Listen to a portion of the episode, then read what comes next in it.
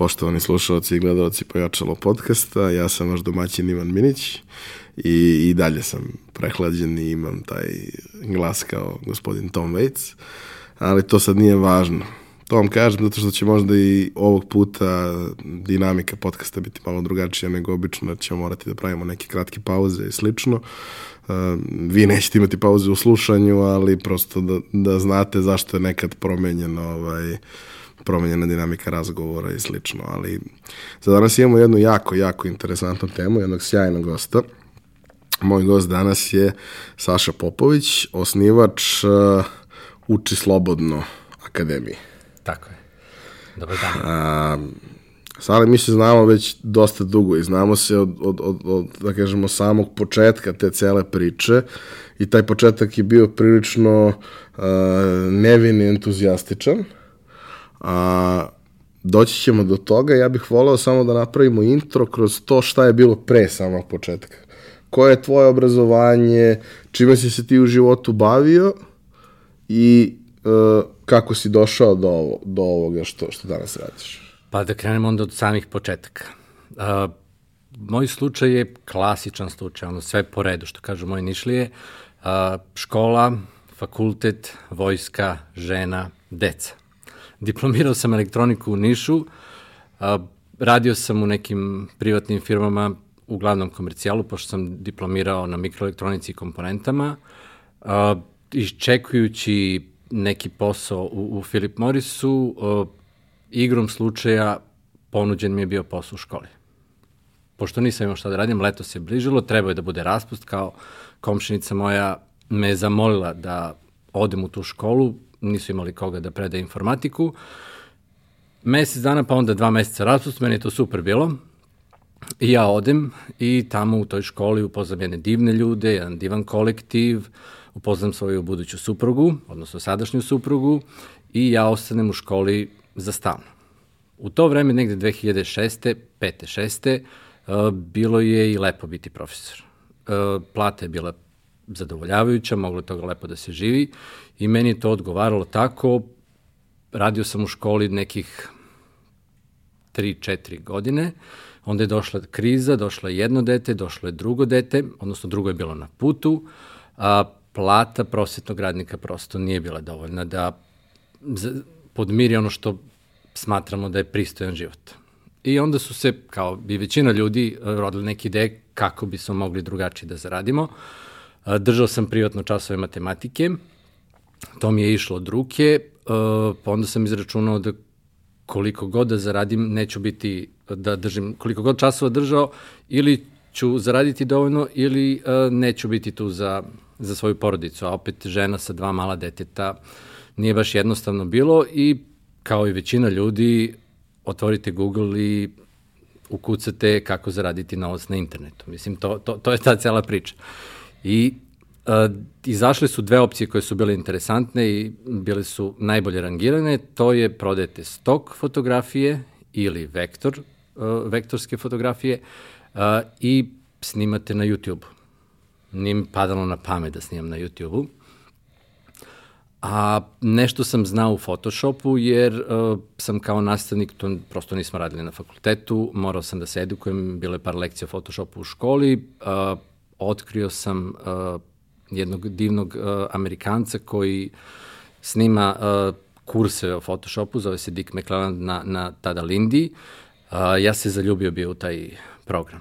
Uh, radio sam sve one zadatke koje on dao, šta je sve program radio, meni to bilo fascinantno i na, prešao sam mnogo više od onoga što mi je trebalo da prenesem decu u školu, da naučim decu, prosto sam bio fasc, fasciniran i opčinjen tim softverom i onda pošto sam znao Photoshop, ajde da probamo u Illustratoru da radimo uh, uh, stok uh, vektore. Uh, taj projekat je trao jedno dva meseca. Znači, kupio sam tablu, krenuli smo da radimo, onda sam vidio da ja prosto nemam talenta za to, angažovao sam nastavnika likovnog koji je crtao olovkom, pošto on nije baš bio uh, u dobrim odnosima sa kompjuterima, onda smo to probali i to prosto nije išlo. I odustao sam od tog projekta, pošto sam radio u školi, onda sam video da deca u stvari uh, šta rade, uh, na internetu, to vreme internet bio mnogo manji, YouTube je bio mnogo manji, stalno su gledali YouTube. I ponovio sam tu priču mnogo puta, ali meni je uvek interesantna, dve stvari su, su radili. Ili su gledali kako da pređu neki nivo u nekim igricama, ili su gledali make-up tutoriale. Ako su bile devojčice, one su uglavnom gledale make-up tutoriale, tutoriale predavao sam osmom razredu, njime je to bilo interesantno, bližila se matura, a i bližio se završni ispit iz matematike. Te godine je prvi put uveden a, drugačiji oblik završnog ispita iz matematike. Ko, koje godine pričamo? 2011. Pričamo o 2011. I onda meni padne na pamet ideja da prosto povežem to sa onim što sam odavno pročitao, da može neki novac da se zaradi ako imate video snimke na YouTube. Usput bi pomogao deci, tražio sam, mislim zajedno sa decom smo tražili razne materijale na časovima informatike koje mogu da im pomognu savremene tehnologije u obrazovanju, međutim na srpskom jeziku nismo našli ništa što bi njima pomoglo tada da spreme taj završni ispit iz matematike i nekako sam povezao te stvari i rešio da otvorim kanal na YouTube. Ništa nisam znao o tome, apsolutno. Kad sam krenuo, nisam ni znao šta znači imati kanal na YouTube, pa sam onda to provaljivao kako to sve funkcioniše, otvorio sam ga početkom 2011. i počeo da snimam. Snimao sam na nekom malom mikrofonu i na službenom laptopu koji nije imao uh, audio izlaz. Bukvalno nisam znao kako izgleda sve dok ga ne objavim na, na, na, na, na YouTube. I snimio sam za nekih tri meseca celu zbirku za završni ispit i objavio na internetu. I to je tako stajalo i onda sam video da mali broj ljudi to gleda. Hteo sam to da izreklamiram. I onda jedno što mi je palo na pamet, da pošaljem neke mailove nekim novinama. A, poslao sam, mislim, desetak tih novinskih kuća, jedino mi je odgovorio kurir, rekao da je to super priča i da će oni da objave tu priču u, u sutrašnjim dnevnim novinama. I sutra dan odem ja na kiosk, a, u kuriru priča na celoj strani, a, nastavnik iz Niša a, oštećuje profesore matematike. A, priča je znači tako da a, uvek su okrenuli na negativ. Znači nije priča a, nešto je a, lepo urađeno, afirmativno, već je priča da sam ja nešto uradio, tako da privatni nastavnici matematike ostanu bez posla. a, to je prošlo ovako nezapaženo a, i onda sam ja rešio da kontaktiram jednog uh, poznanika koji je bio voditelj na jednoj niškoj televiziji. A, plašio sam se televizije kao đavo od krsta. Znači, to mi je bilo, on, dogovorili smo gostovanje i ja sam razmišljao u poslednjem momentu da dostanem. Baš mi je bilo ono, a, frka, međutim, otišao sam i to je bilo baš dobro. A, posle toga nisu prestajali da zvone telefoni, a, javile su se novinske agencije, televizije i ta priča je dostigla nacionalni nivo. Bukvalno je došlo do drugog dnevnika. I tako sam ja postao poznat 2011. kao nastavnik koji priprema uh, učenike za završni ispit iz matematike.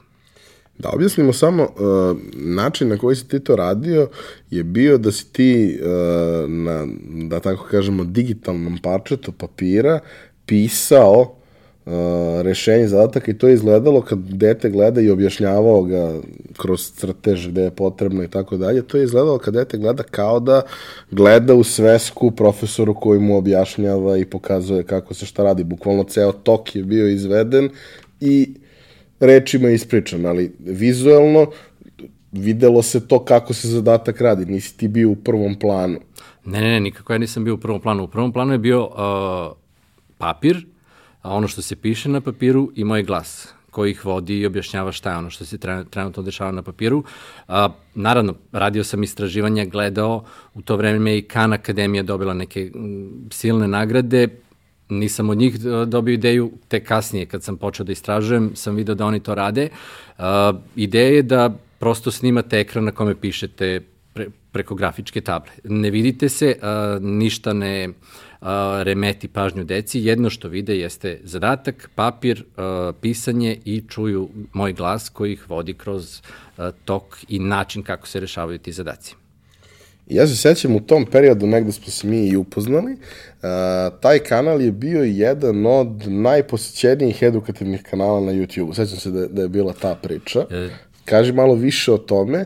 I uh, sećam se još jednog detalja koji se otprilike u isto vreme desio, to je da si ti uh, dobio nagradu za način na, na koji si to izveo upravo od onih ljudi od kojih si učio. Da, to, to, to je meni onako najfascinantnija i najlepša priča jako se lepo osjećam kad uh, to pričam, uh, ali prvo, uh, taj kanal je toliko bio popularan jer je bio u svim medijima, mnogo dece imalo problema sa završnim ispitom, pogotovo što je te godine to bila neka novina.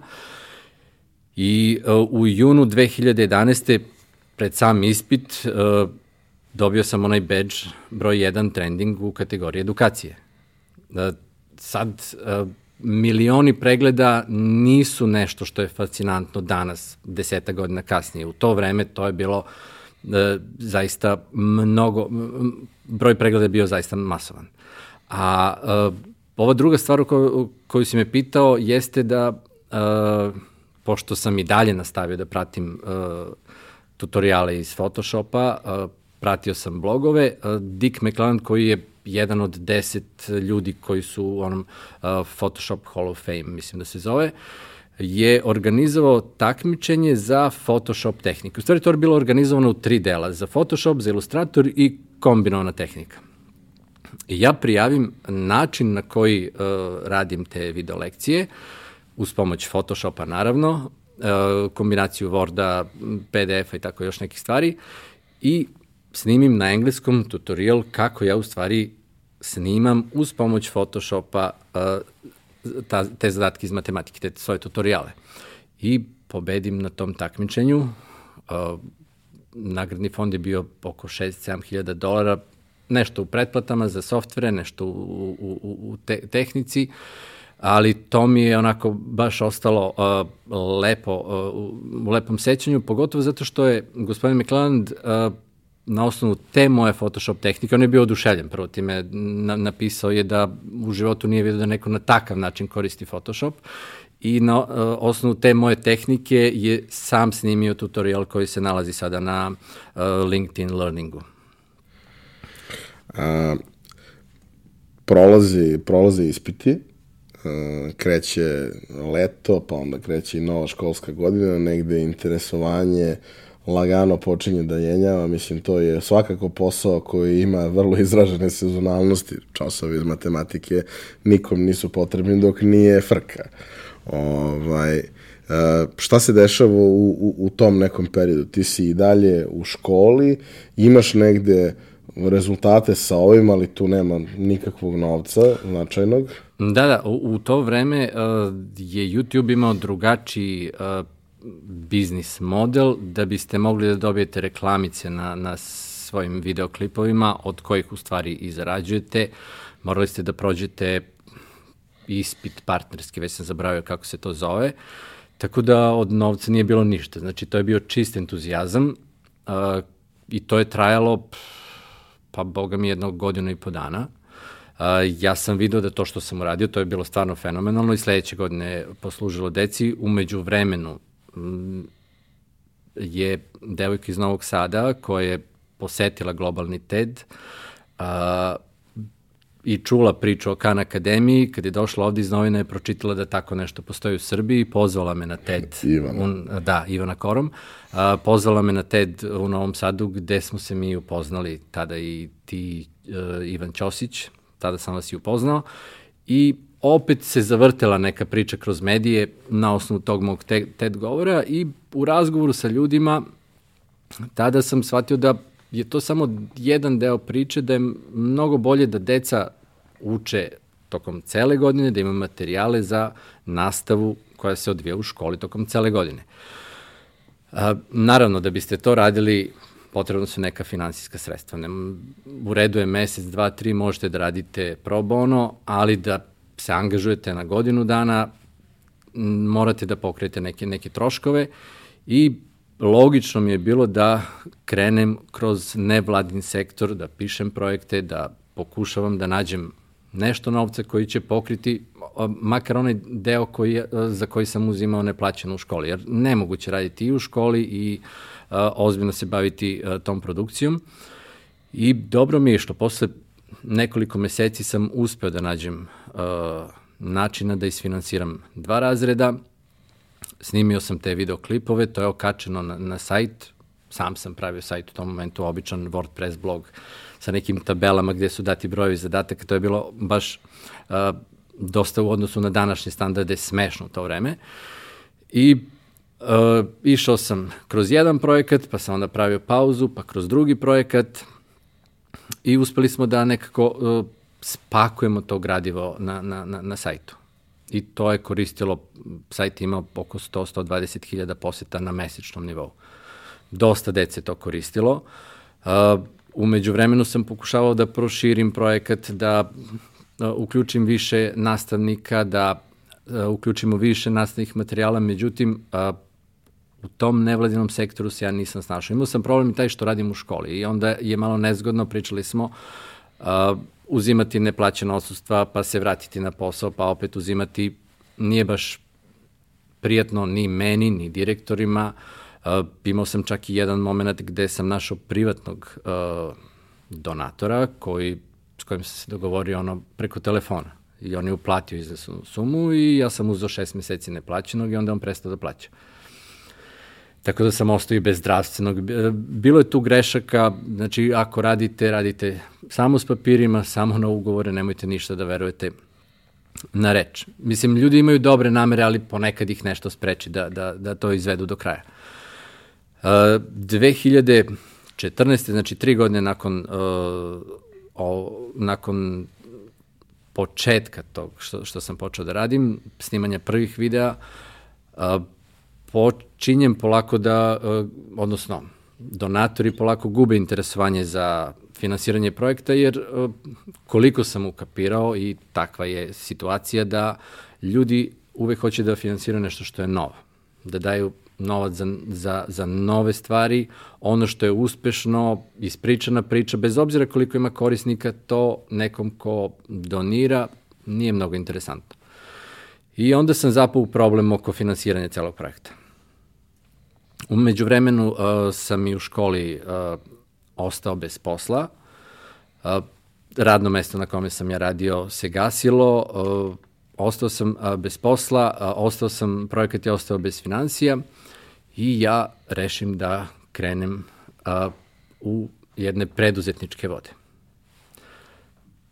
Nisam znao tačno od početak, po, početka kako, ali sam rešio definitivno to da uradim. I onda dam otkaz u jednoj školi, pošto sam radio dve škole, u jednoj školi dam otkaz i uh, dva dana sam radio u jednoj školi, a tri dana preko nedelje sam radio na projektu.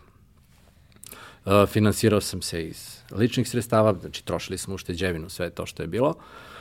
Uh, otprilike godinu dana mi je trebalo da uradim sve što mi je bilo potrebno da pokrenem uh, model gde bi uh, video lekcije bile besplatne na sajtu, a dodatni materijali bi se plaćali.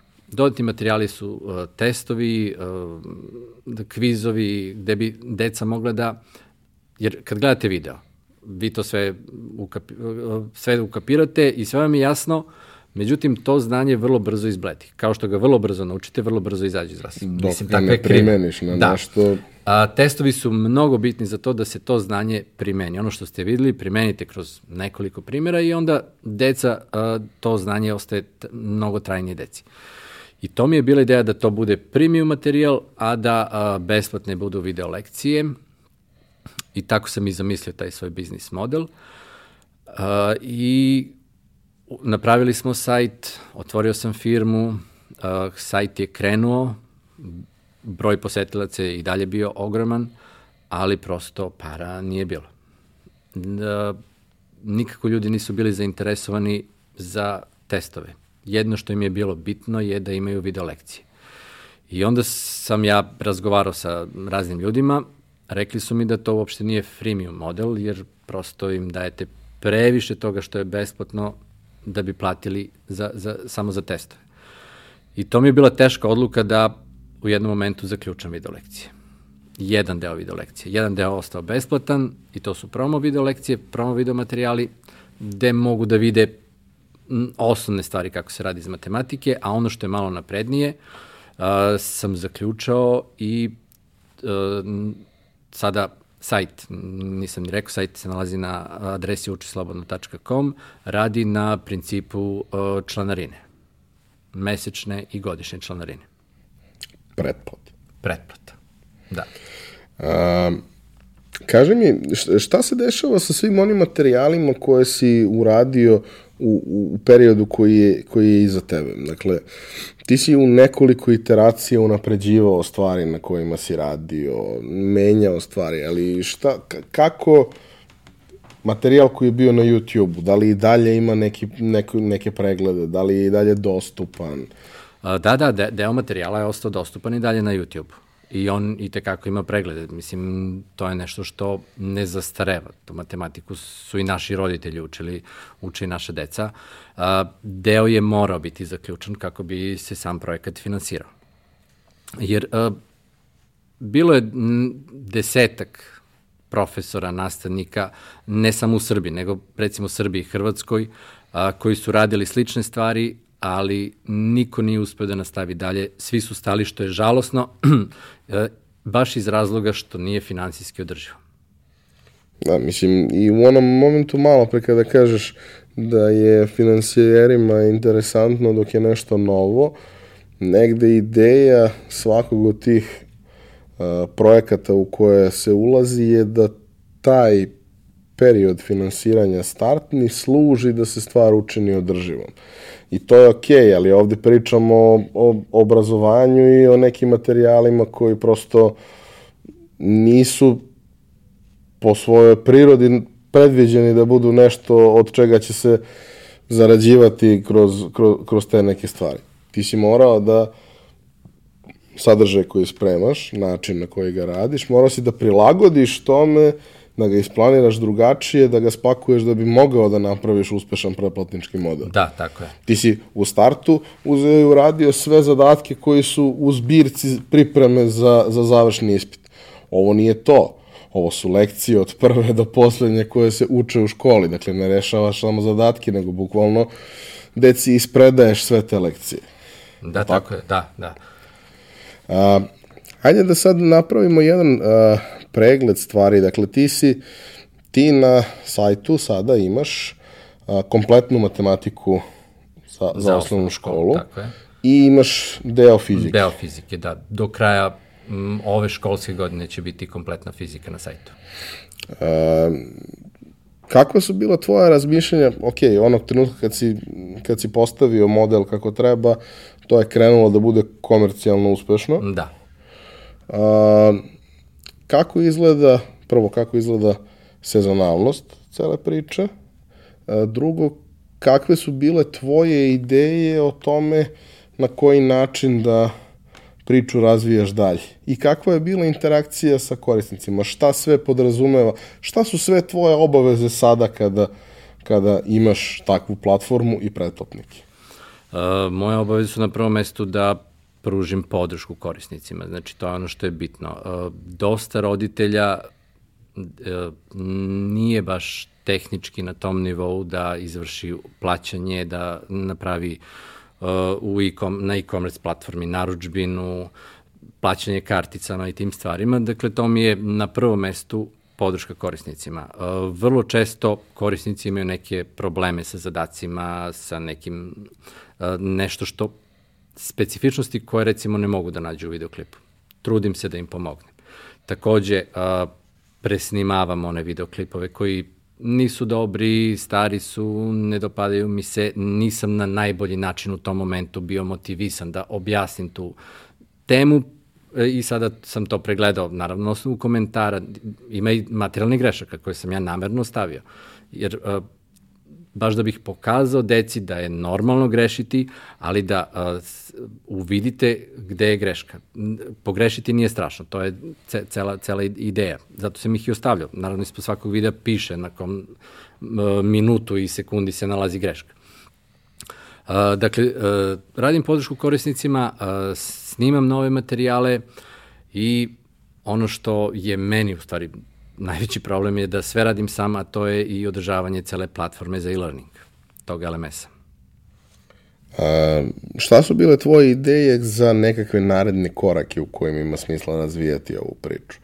A, ime je takvo i branding je takav da u principu ne mora da bude limitiran samo na matematiku i već sad nije, ima i fiziku, ne mora biti limitiran samo na prirodne nauke, ne mora biti limitiran samo na osnovnu školu, prosto ono, šta je neki feedback koji dobijaš i na koji način ti razmišljaš o narednim koracima. Jasno nam je svima da jedan čovek i dve ruke su vrlo ograničena količina resursa da se, da se nešto napravi.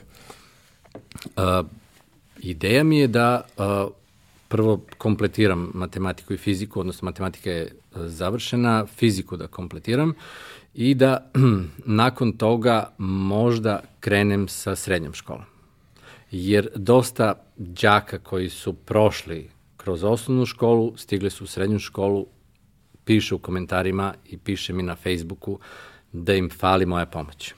A da, e, kada gledamo, kada posmatramo tvoj subscription biznis kao klasičan biznis i zanemarimo sve ostalo, ti imaš životni ciklus korisnika od četiri godine. Tako je, tako je. Ako imam sreće da krenu u petom razredu, jer dosta njih krenu u šestom, znači Dobro, tri, teoretski možda da, bude i pet godina da. ako negde, negde omanu, ali u principu pričamo o maksimalno neke četiri godine razvoja i nakon toga uh, oni izlaze iz priče. Da. Naravno, stalno dolaze novi, i to je okej, okay, ali ne postoji neka akumulacija koja kaže pa dobro, ako krenemo sad i 50 godišnje, za 100 godina smo super. Nema 100 godina. Ne. Za Čet... 4 godine moraš da nadoknadiš onu prvu. Tako je. Tako je. Dakle, uh, prosto uh, uh, ideja mi je da krenem i sa, sa srednjom školom, sa matematikom za srednju školu. Tu su malo drugačiji izazovi, potrebno je, ima različitih srednjih škola, osnovne škole su sve iste, različitih programa, kako to podesiti e, deci u tehničkim školama, servirati neku matematiku koja se radi u matematičkoj gimnaziji ili nekom, dru, nekoj drugoj gimnaziji nije baš uh, pametno, izgubit će se u svom onom materijalu, dobar deo toga im realno nije potreban, tako da tu postoje neki izazovi koje treba rešiti i nakon toga mislim da je to neki od sledećih koraka da nastavim sa, sa srednjom školom. A kako izgleda uh, uopšte mogućnost uh, da ti kažeš sam trenutno sve radiš, u perspektivi pričali smo, postoji šansa da to postane porodični biznis, da i supruga svoj deo posla ovaj, uradi kroz, kroz lekcije engleskog. Međutim, uh, šta, šta bi bilo potrebno da, da zna, na koji način bi bilo potrebno da razmišlja uh, osoba koja sluša ovo, njoj je to interesantno i želi da se javi i ima ekspertizu iz, mislim, ekspertizu predaje, je to jako dobro i neka je Lupiću, hemija, geografija, srpski, šta god. A koji talenat treba da ima? Pa, je to? ne samo talenat, mislim da e, ja zaista vrlo iskreno verujem da većina ovih stvari koje svi mi radimo, uh, se dosta lakše radi kad imaš talent, ali da je u suštini zanat, da može da je nauči svako ako se dovoljno potrudi, da možeš da napraviš, mislim jebi ga, ja sam programer, pa razmišljam na taj način, ono, sa tim nekim background, možeš napraviš algoritam za svaku stvar, pa tako i za ovo. Pa u principu, uh, radio sam sa nekoliko ljudi. Nije baš tako. Neki ljudi prosto uh, pred mikrofonom zaneme. Uh, izgube glas. E, verovatno to može da se prevaziđe, ali način na koji vi predajete u školi, na primjer imate background nastavnika, e, gde možete da ponovite, gde imate odmah feedback e, učenika na osnovu njihovih pogleda, njihovih reakcija, da li ste nešto dobro objasnili, da li je nešto dovoljno jasno, da li nije. Svega toga nemate. Vi imate mikrofon ispred sebe, ekran i tablu po, po kojoj pišete morate da, zami... ja recimo, šta, šta radim to? Zamišljam sebe kao malo dete i samom sebi objašnjavam ono što tada nisam znao. A, I poenta je da ne ostanete nedorečeni, da ne kažete nešto što je više nego što ste hteli da kažete, da držite fokus sve vreme na onome o čemu pričate i da to bude kratko, jasno i da samo na osnovu onoga što ste jednom rekli, a, učenici, deca, onaj ko to gleda, može to da ponovi. Nije to tako lako. Ne, slažem se da definitivno nije lako. I imali smo epizodu sa, sa, sa Reljom Deretom, gde sam ja ispričao svoje iskustvo kao ovaj, a, sportskog komentatora početnika, gde negde, iako mi nije javni nastup prirodan i prijatan, kroz trening sam postao prilično vešt u svemu tome i mislio sam da je to sasvim dovoljno dok ne odeš u komentatorsku kabinu i shvatiš da ne postoji publika, nego si ti ludak koji govori u crnu kutiju. I ti treba da sve one ostale stvari pretpostaviš na pravi način da bi osobi koja sluša taj prenos dao iskustvo kakvo treba. Ovde isto ti znaš, moraš da nađeš pravu meru u svojim pretpostavkama šta je, šta je ispravno, šta nije. I sigurno ćeš nekad pogrešiti, ali da uglavnom budeš na liniji sa tim, da tvoje izlaganje bude pripremljeno, dobro strukturirano, ne bude preobimno, ne bude uh, od, odlaženja od teme, digresija i ostalih stvari, nego da neko ko ko to možda na času sluša 45 minuta ili 2, 3 puta po 45 minuta, u 10 nauči sve što mu treba. I može pusti ponovo. Da. Može da vrati, uvek može da vrati. Ali da to bude tako da sve bude jasno, precizno, nedvosmisleno kao što matematika jeste. Da, u tome jeste poenta da a, ništa ne odlači pažnju i da ono što je fokus, naravno, a, svi zadaci se pripremaju, gledaju se da to budu tipski, osmišljavam zbog autorskih prava, osmišljavam sobstvene zadatke, a, ni to nije lako pogoditi brojeve tako da na kraju ispadne neka a, lepa cifra da se ne, ne izgubite u, u, u računanju i množenju, ne potrošite previše vremena na to. A kad se sve to lepo pripremi, naravno onda imate i pripremu gde šta pišete, ne možete da pišete po celom ekranu, znači zna se otprilike koji deo čemu služi, strukturiran je i ekran i tek onda E, naravno ja prvo prođem sam kroz uh, taj proces snimanja videa. Nakon te pripreme, uh, pripreme materijala, svega toga, uh, pustim mikrofon ili makar stavim slušalice i, i da, da čujem sebe i prođem kroz, kroz ceo zadatak. Jednom sam, proverim da li imam dovoljno mesta za pisanje, da li imam dovoljno mesta na papiru, ako nešto nije u redu iskorigujem, ako negde recimo dešavalo se da prosto u video od 3 minuta ja minut i po računam, što je besmisleno, tu deca već gube koncentraciju, a, izračunam pa kažem ovo, ovo sam u napred izračunao za vas. Znači neke stvari preskačete kako bi a, user experience za učenika bio što, što, što, je, bolje, što je moguće bolje. Šta su neke stvari koje si naučio od svojih korisnika? Od svojih korisnika sam naučio da, recimo, pričam sporije. Prve video snimci su bili dosta brzi.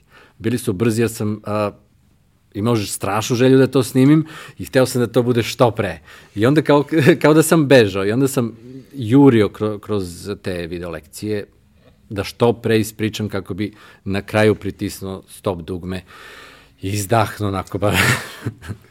znači, to je uh, jedna od stvari. Uh, naučio sam da, uh, odnosno, rekli su mi šta, šta je on od materijala što nedostaje, šta, na šta je fokus, jer prosto oni u komentarima ostavljaju. Pa onda sam ja posmatrao, gledao, ima recimo za neke zadatke gde nije baš najbolje objašnjeno više komentara. Na koji način? Onda mi kažu nastavnica nam je to drugačije objasnila.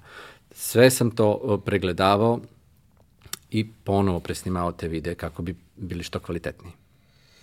A, da li možeš, mislim, nekako volim da stvari gde to imamo priliku i kada možemo predstavim ljudima kroz, kroz cifre. A, da li možeš da mi daš neke onako uh, cifre koje su interesantne, a tiču se ovog projekta od početka do danas?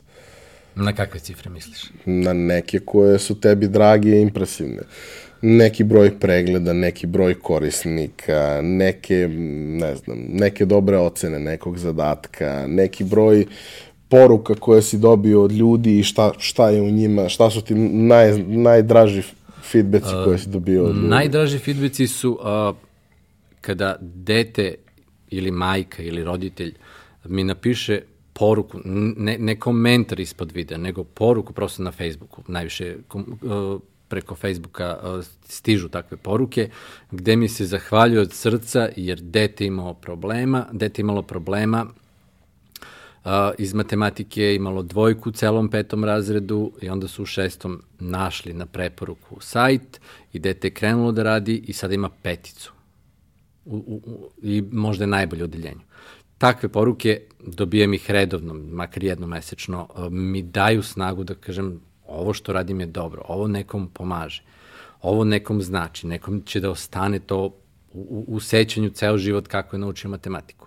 Uh, živimo u gradovima, velikim gradovima, ja živim u Nišu, ti si u Beogradu, a, ljudi žive u malim mestima, gde im nije a, omogućen pristup privatnim nastavnicima.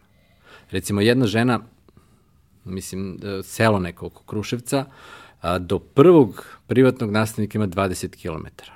Autobus ide tri puta dnevno. I, hvala Bogu, selo ima interneta. A, možeš da zamisliš koja je to pomoć takvoj deci i takvim roditeljima? cena opet je mislim smešna za, za, za, i za naše prilike. Uh, majka jedne učenice iz Beograda mi je rekla da oni više mesečno daju za taksi do nastavnika nego za godinu dana korišćenja sajta.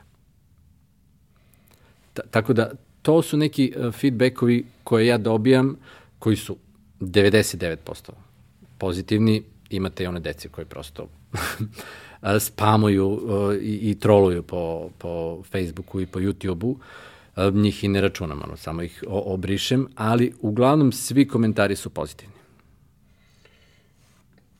Kada gledaš to kao biznis, a poslednjih nekoliko godina ga gledaš kao biznis od koga živiš, šta, čime si se ti negde vodio da, da probaš da napraviš celu priču? Pre nego što smo krenuli da snimamo, sedeli smo nas dvojica i pričali generalno o raznim nekim stvarima kojima smo se i bavili i bavimo i gde je šta i ono, bukvalno malo smo se podsjećali šta se dešavalo u nekom prethodnom periodu i e, ono što se meni mnogo sviđa kod tebe i kod nekih ljudi, sličnih ljudi sa, sa kojima pričam i ja sam negde takav je ta neka ogromna količina istraživanja koja stoji iza, iza raznih stvari. Kada si sam u nečemu i imaš vrlo ograničene resurse za, za eksterne pomoćnike u tom, tim oblastima, ti si taj koji može da donese svežu ideju. Ti si taj koji mora da nađe uh, šta možda ima smisla. Ti si taj koji najčešće mora to i da sprovede i proba. Tako. Šta su neke stvari ono, na to, koje si, to, to na koje si naletao? To je kada radite sam. Dakle, to, Mislim, to je... E, u, u, u niši kojom se ti baviš je bilo nekoliko raznih pokušaja toga od kojih faktički ni jedan nije, nije opstao. Iz vrlo jasnih razloga. Ono što jeste opstalo i što postoji kao model i toga ima, jeste to ono držanje časova preko Skype-a. Toga ima. Da, to, to, to funkcioniše. I to uglavnom funkcioniše za jezike i slične stvari. Ljudi baš nemaju modalitet kako da objasne prirodne nauke preko Skype-a. Mislim, pišu na papiru pa pokazuju kamericu pa se to ne vidi i tako dalje. Nije to baš neko rešenje. Postoji rešenje naravno i za to, ali, ali, ali je komplikovano. Šta su prosto bile ono stvari o kojima si ti razmišljao sad kada si preduzetnik, sad kada znaš da imaš biznis kod koga živiš, ali koji treba dalje razvijati, koji je vrlo ima izraženu sezonalnost, to sam te pitao, nisi mi da, odgovorio. Da, da, odgovorit ću. Prosto, znaš kao, gde si sad, šta su naredni koraci, šta planiraš, šta bi voleo da se desi, a da nije, nije do tebe, ali bi voleo da se desi ako može da se desi?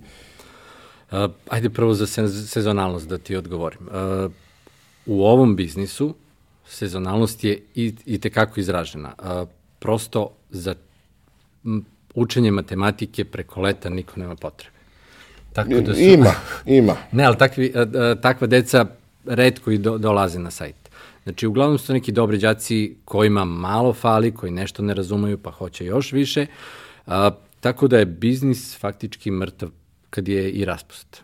Što je sa druge strane opet dobro jer ja imam raspust.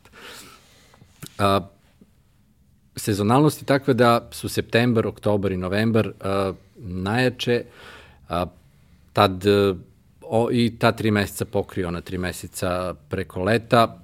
Razlog tome je zato što počinju, počinje nova školska godina, ljudi kupuju godišnje umesto mesečnih članarina i onda u, tad ima i većeg broja korisnika, kreću, uh, dolaze novi korisnici koji su peti razred, uh, u oktobru kreću prvi pismeni zadaci, javlja se potreba, roditelji istražuju za svoju decu, jer meni su uh, klijenti u stvari roditelji koji plaćaju to svoje deci, veliki broj njih u petom razredu čak i uči, pa onda pokazuje deci. Da, to je još jedna interesantna stvar. Dakle, oni na osnovu njihovih komentara i čak imam i neki prijatelje koji koriste sajt, kaže ja prvo pogledam da ja sebi objasnim, pa onda ja objasnim detetu. Znači ima i tog modela. Tako da, e, što se e, sezonalnosti tiče, pik je naravno u oktobru, kada je taj prvi pismeni zadatak i onda lagano pada. U junu, julu i avgustu m, mogu katanac da stavim na firmu i da odem na more. A, A drugo pitanje sam zaboravio. Dakle, šta, šta su ti šta su neki da. izazovi, neke ideje koje si imao, voleo bi da ih realizuješ, ali nije trenutak, ali možda postoji nekakav način uz neku eksternu pomoć da ih realizuješ. Šta, šta bi ti, šta, šta planiraš da uradiš, a šta bi voleo da, da uradiš?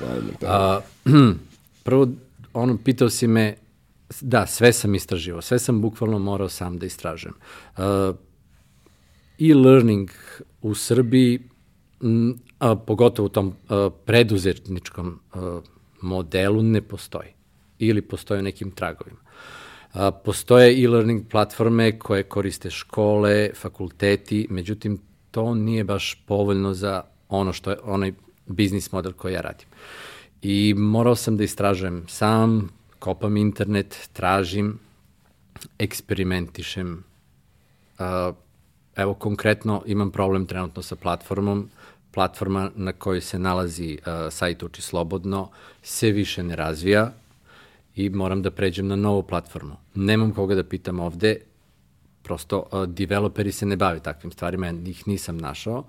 Uh, mogu oni da naprave uh, ono što im ja kažem, ali ja ne znam koje su moje uh, granice sa takvom platformom. Znači, ne možete da budete kreativni na pisti ili u nekom uzanom prolazu. Morate da znate dokle sve možete da idete i tek onda da sami kombinujete stvari pa da developeru, programeru objasnite tačno šta hoćete da bi vam on napravio. Za sve to naravno potrebno vreme.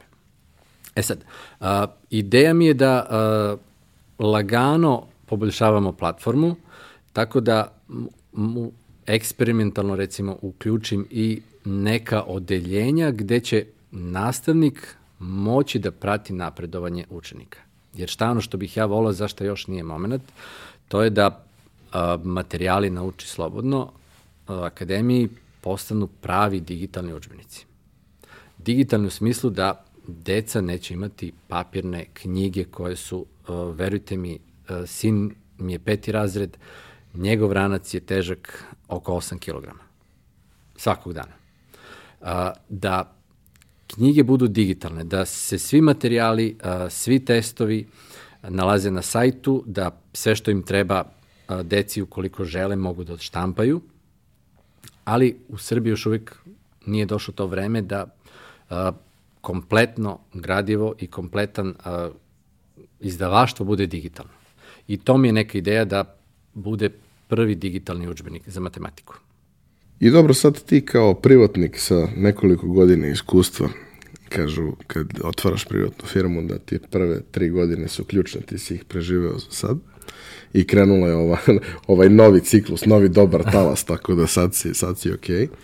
Um, kako ti kao neko ko je tu izvan um, uobičajenih kanala, institucija, svega toga, kakav feedback imaš uopšte od, od ljudi koji su u prosveti, od institucija, znaš, provlači se godinama već, mislim, ja mislim da sigurno ima jedno 7-8 godina od kad su deca ovde u, na, na, ja mislim, na starom gradu dobila ili na Savskom vencu dobila kao laptopove male koje nose u školu sve i na tim laptopovima nema, nije bilo ničega, ne znam kako je sad i i dalje su nosili gomilu knjiga i svega. Koliko uopšte, koliko uopšte, da kažemo, stručna javnost reaguje na to što ti radiš, a, a koliko je sve isto kao što je bilo i, i, i mnogo ranije negde. E,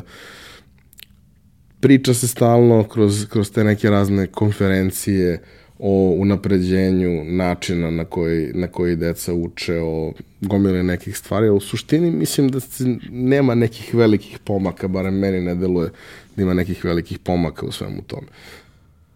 Pa, uh, realno nema. Realno nema. Uh, pre deseta godina priča je manje više ista kao danas.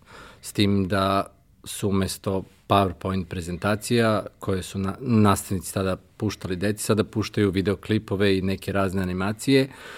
Postoji pomak u tome da postoje verzije digitalnih učbenika, digitalnih pod navodnicima, to su uglavnom PDF fajlovi gde dete dobija kod uz papirni učbenik koji obavezno mora da nosi u školu, dobija kod i onda može od kuće da radi uh, preko tog digitalnog učbenika gde su, kažem, uh, uglavnom iste te knjige u PDF-u sa nekim animacijama i nekim malim testovima. Mnogo smo daleko od onoga što digitalni učbenik treba da podrazumeva. A problemi koje treba da se reše da bi digitalni učbenici zaista zaživeli, kad kažemo digitalni, baš digitalni, da nemaju papirne verzije, su mnogo veliki. A, samo obrazovni sistem, ja sam 10 godina probo, proveo u, u obrazovnom sistemu, je previše inertan. Tamo napraviti jednu malu promenu zahteva angažovanje a, ozbiljnog broja ljudi ili ozbiljan entuzijazam jednog pojedinca koji je voljan da gura od jedne male škole iz provincije pa sve do ministarstva. Ministarstvo prosvete, ako me pitaš za to, u ovom momentu se bavi nečime što su organizacione stvari. Dosta toga je napređeno u, u školi, uvođenje elektronskog dnevnika, a, op, škole se opremaju nekim sredstvima, međutim to još uvijek nije dovoljno da bi deca jednog dana prestala da nose rančeve, što je moja velika želja. Da bi se to desilo, potrebno je uh, i edukovati uh, nastavni kadar, ima tu sjajnih pojedinaca, uh, međutim ima prosto nekih ljudi koji su pred penzijom i to im je izgovor. Ja sam u svojoj karijeri video ljude koji prosto ima još nekoliko meseci do penzije i ne želi ništa da unapredi, bez obzira što radi sa decom čak sam negdje čuo, uh, neki kolega se je rekao da ne želi ništa novo da nauči jer je on pred penzijom, a drugi mlađi kolega rekao da, ali deca nisu pred penzijom, deca su sa, samo što su došli u školu. Tako da, to su neki sistemi koji nisu vezani z, direktno za naš obrazovni sistem. Mislim, celo obrazovanje globalno ima taj neki problem a, sa novim tehnologijama, sa tra tranzicijom a, iz jednog sistema koji je 200 godina star u neki sistem obrazovanja koji je primeren 21. veku i ovoj generaciji koja danas imaju, generaciji dece koje danas imaju mnogo, mnogo više informacije nego što smo ih mi imali u naše vreme. Nekako, sećam se, ovaj, nije to bilo toliko davno, taj neki period kad sam ja išao u školu i uh, nekako sećam se i tih nekih starijih profesora koji su bili fantastični, jer su imali imali su i takve predmete u kojima nije potrebno, mislim, ne treba da update-uješ način na koji predaješ istoriju u principu, mislim, to se nije promenilo poslednjih par hiljada godina. Možeš tu i tamo neki dokumentarac da pustiš, pokažeš nešto, ali nije se ništa značajno menjalo. Koji su negde svojim širokim znanjem, entuzijazmom, nekim onako gospodskim manirima i svim ostalim nosili neke, neke sjajne stvari. Ali evo, nedavno sam se vidio sa, sa razrednom, Ovaj, moram da kažem da ovaj, dok mi je bila razredna nismo imali baš sjajan odnos, ali posle kad, kad, smo, kad sam završio školu ovaj, skapirali smo se, tako da sad možemo da kažemo da smo, da smo super i da smo kolegi i ona je od skoro ovaj, part-time preduzetnica, pa evo ovom prilikom pozdravljam. Ali ona mi je otkrila jednu vrlo zanimljivu stvar, mislim, ona, ona predaje meni je predavala kompjutersku grafiku, a danas predaje klincima te neke razne vrlo usko stručne predmete, mehatroniku i slično, jer naša, naša škola, Politehnika, nekad se zvala Politehnička akademija, imate smer robotika koja je, koji je eksperimentalni i koji bio eksperimentalni, stvari sada više nije, ali koji zaista skuplja neku prilično sjajnu decu tu i e, zahvaljujući ljudima u toj školi, pre svega direktoru Duletu, tim klincima se stavlja na raspolaganje i jako puno tih nekih tehničkih mogućnosti. Škola ima 3D printer, škola ima skoro se takmiči u robotici, vrlo je uspešna u tome, ima gomilu nekih vrlo praktičnih rado, e, radionica. Ali se sećam jednog trenutka u tom nekom razgovoru kad sam ja pitao, pa dobro, jesu sva deca gora iz generacije u generaciju nego što smo bili mi, pošto mi smo imali ovaj, i sjajnih momenta, ali bili smo ponekad i teški kao crna zemlja. I ona kaže, a, pošto je Zara zaista uvijek bila predana tome da, da, da, da taj svoj predmet koji radi prenese na pravi način to znanje, da, da, da, da zaista može da se usvoji koji ima interesovanje. Kaže, vidi, jedna stvar koja se drastično promenila iz godine u godinu je to da kad gledaš postoji tačno kriva kako opada raspon pažnje dece iz godine u godinu. Vi ste mogli da slušate 15 minuta kako ja nešto pričam, ovi klinci slušaju samo ono po 3 minuta uh, bukvalno uh, kako kaže bite size chunks. Bukvalno ti možeš da ispričaš celu lekciju, ali moraš da pakuješ u tri intenzivna minuta, pet intenzivnih minuta, jer sve preko toga jednostavno vrlo malo deca će ispratiti i potpuno se promenio negde način konzumacije sadržaja upravo zato što sadržaj koji konzumiraš kroz druge kanale, kroz život, je drugačiji nego što je bio pre 10, 15, 20 godina. Jeste, to je ono što sam ja primetio lično kod svoje dece. Znači, pažnju drže 3 do 5 minuta. Uh, ukoliko im ne date zalogaj koji mogu da progutaju za tih 3 do 5 minuta, a, nakon toga ispadaju više to što pokušavate da im kažete, da im prenesete, da ih naučite, a, to više ne dopire do njih. I to je razlika i pretpostavljam, moja pretpostavka jeste da je to količina informacije koja je njima dostupna. Ja se sećam da smo mi u školi išli da zaista čujemo nešto novo što nigde nismo mogli da saznamo. Ne pričamo o matematici, pričamo o istoriji, biologiji, nekim stvarima. Bio je školski program na RTS-u koji je u to vreme bio divan. Obrazovni, da, bio da. fantastičan. I ono što ste naučili iz škole i, i, i kroz knjige. Naravno, neki su kupovali časopise razne, to je moglo kroz zabavnik da se dosta toga nauči, ali nekako danas deca ne doživljavaju školu kao mesto gde će da nauče neke nove stvari. Jer oni svakog dana od ujutru do dok ne legnu i ne uspavaju se, su bombardovani sadržajima, novim stvarima, uh, koje god dete interesovanje da ima na internetu će naći ono, neke materijale, neki sadržaj koji će da zadovolje to njegovo interesovanje.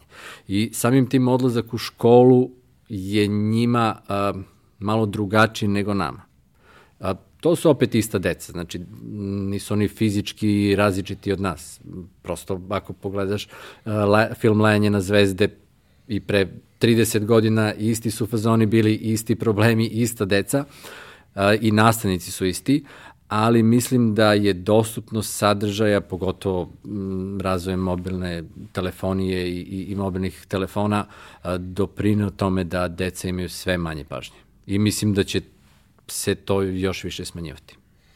Dakle, na neki način kad se pripremaš za to što radiš, moraš da pakuješ te stvari na, u paketiće koji su takvi da idu jedan za drugim, da, koje oni mogu jedan po jedan da da svare, ali moraš da vodiš računa da im privučeš pažnju, zadržiš pažnju do kraja, da oni mogu da na neki način od, od toga saznaju šta treba, ostvare sebi neki zaključak i da ih zainteresuješ da nastave dalje. A, a, upravo to je onaj deo pripreme gde ja otprilike vidim koliko će da traje jedan video kroz tu prvu probu. A, kad probam, onda i sam vidim da je nešto besmisleno ponavljati sto puta, neke stvari preskočim, eno malo pre sam ti rekao da ne računam prosto, kažem to je tako, za tako mi je ispalo, računao sam sa strane, da dete ne bi gubilo tu vremena, baš zato što nema dovoljno a, fokusa i pažnje. Zato je i stil sam minimalistički, to nema nikakvih vizualnih elemenata koji mogu da, da odvrate a, pažnju deci. Šta sam još teo da ti kažem isto a, vezano za to a, da pravim pauze, da su videoklipovi 3 do 5 minuta. Ima onih zadataka koji su poprilično duži, koji su napredni, gde uh, zahteva dosta objašnjenja, gde zahteva dosta računanja, ali njih delim na segmente i onda im pokažem kako, jer u stvari ja decu učim a, kako da rešavaju matematičke probleme. A, kroz to rešavanje matematičkih problema oni a, steknu i neke, a, ukapiraju u svoje neke matemati, neka matematička pravila, neke matematičke odnose. Ali ja im bukvalno dajem instrukcije kako da rešavaju problem. I to onaj programerski tip načina rešavanja problema. Imate jedan veliki, inženjerski, za, za sada ga zovu programerski, jedan ogroman problem i ako taj ogroman problem podelite na male sitne probleme, svaki od tih sitnih problema ćete rešiti lako. Kad rešite sve sitne probleme, rešili ste jedan veliki problem. I to je ono što ja u stvari pokušavam da, da prenesem deci. Ono što je interesantno da to, o tome nismo pričali, jeste da prosto uh, ti materijali nisu pogodni za, za svaku decu. Uh, deo dece zahteva neposredni rad sa njima nadzor, znači da im neko stoji nad glavom. Deca koje su samostalno u radu, njima su ovi materijali sa sajta fenomenalni i oni su najzadovoljniji. A, za ovu drugu decu kojima je potreban tutor, kojima je potreban nadzor, tu su njihovi roditelji koji bukvalno sede, uh, stojim nad glavom dok oni rade, zajedno sa njima radi objašnjavaju. Da, mislim, meni to nikad nije bilo jasno i u moje vreme je bilo deca koja su imala i po jednog, dva, tri, pet profesora. Ja razumem da nekom treba pomoć da mu se objasni matematika. Shvatio sam u srednjoj školi da to u nekom trenutku prestalo da bude nešto što ja razumem na intuitivnom nivou i da mi treba negde, negde pomoć ovaj, oko svega toga, ali Znaš, nisam nikad mogu da razumem da nekom treba pomoć nastavnika da uči geografiju ili istoriju, jer to sediš, čitaš i na neki način usvajaš. A, to je, izvini, ovaj, to je još jedan problem. Ja sad ne znam da li je to moda ili su roditelji previše zauzeti ili nešto u obrazovnom sistemu nije u redu. Pretpostavljam da je uh, faktor sva tri. A, prosto gradivo je preobimno pominjao si nastavnike starog kova koji su nas savršeno naučili, ali su nas naučili 10 stvari, a sada nastavnik treba da nauči decu 20 stvari, duplo više. A, gradivo je preobimno i to je greška prosto na, na, na ministarstvu, onome ko piše nastavne planove i programe. To bih recimo skratio, tako da može nastavnik da se posveti, posveti svakom detetu. A, postala je moda da deca imaju privatne nastavnike, a i život u današnje vreme gde su roditelji zauzeti i rade od i celog dana po smenama, prosto ne mogu da se posvete deci, zarade neke novce i onda te potroše na privatne nastavnike. Dobro, Sale. Hvala ti što si bio, što si podelio sa nama tvoju priču.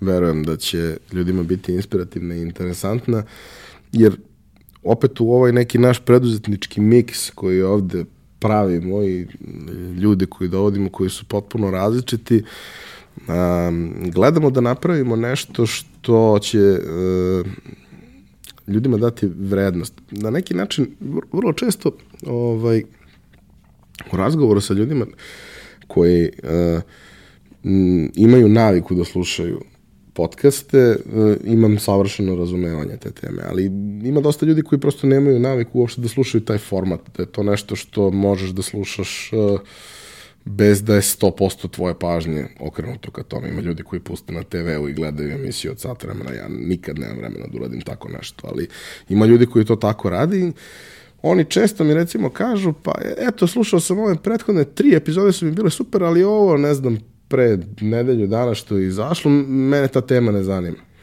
Ne znam, priča se o lupam kafi, priča se o kraft pivu, mene to ne zanima. Ok, ali treba da ga poslušaš. Nikad ne znaš kakva ideja će da ti sine slušajući nekog ko se bavi nekim novim, čudnim, drugačijim stvarima i na koji način će to da preusmeri tvoj biznis. Da, potpuno se slažem. Ta sinergija različitih oblasti, kombinacija, multi, multi oblasti upravo dovodi do novih ideja. Vi na osnovu samo jedne oblasti ne možete iz nje da iznedrite neku novu ideju. Verovatno je neko već smislio to što, što ste vi smislili, ali ukoliko u ono čime se bavite uključite neku ideju koju ste dobili sa potpuno druge strane, iz potpuno neke uh, druge priče koja nema veze sa vama, kombinacija može da napravi nešto novo. Jer evo recimo niko na svetu nije učio matematiku kroz Photoshop. Niko. Sale, hvala još jednom. Hvala tebi što si me pozvao. Poštovani slušalci i gledalci, vama hvala na pažnji.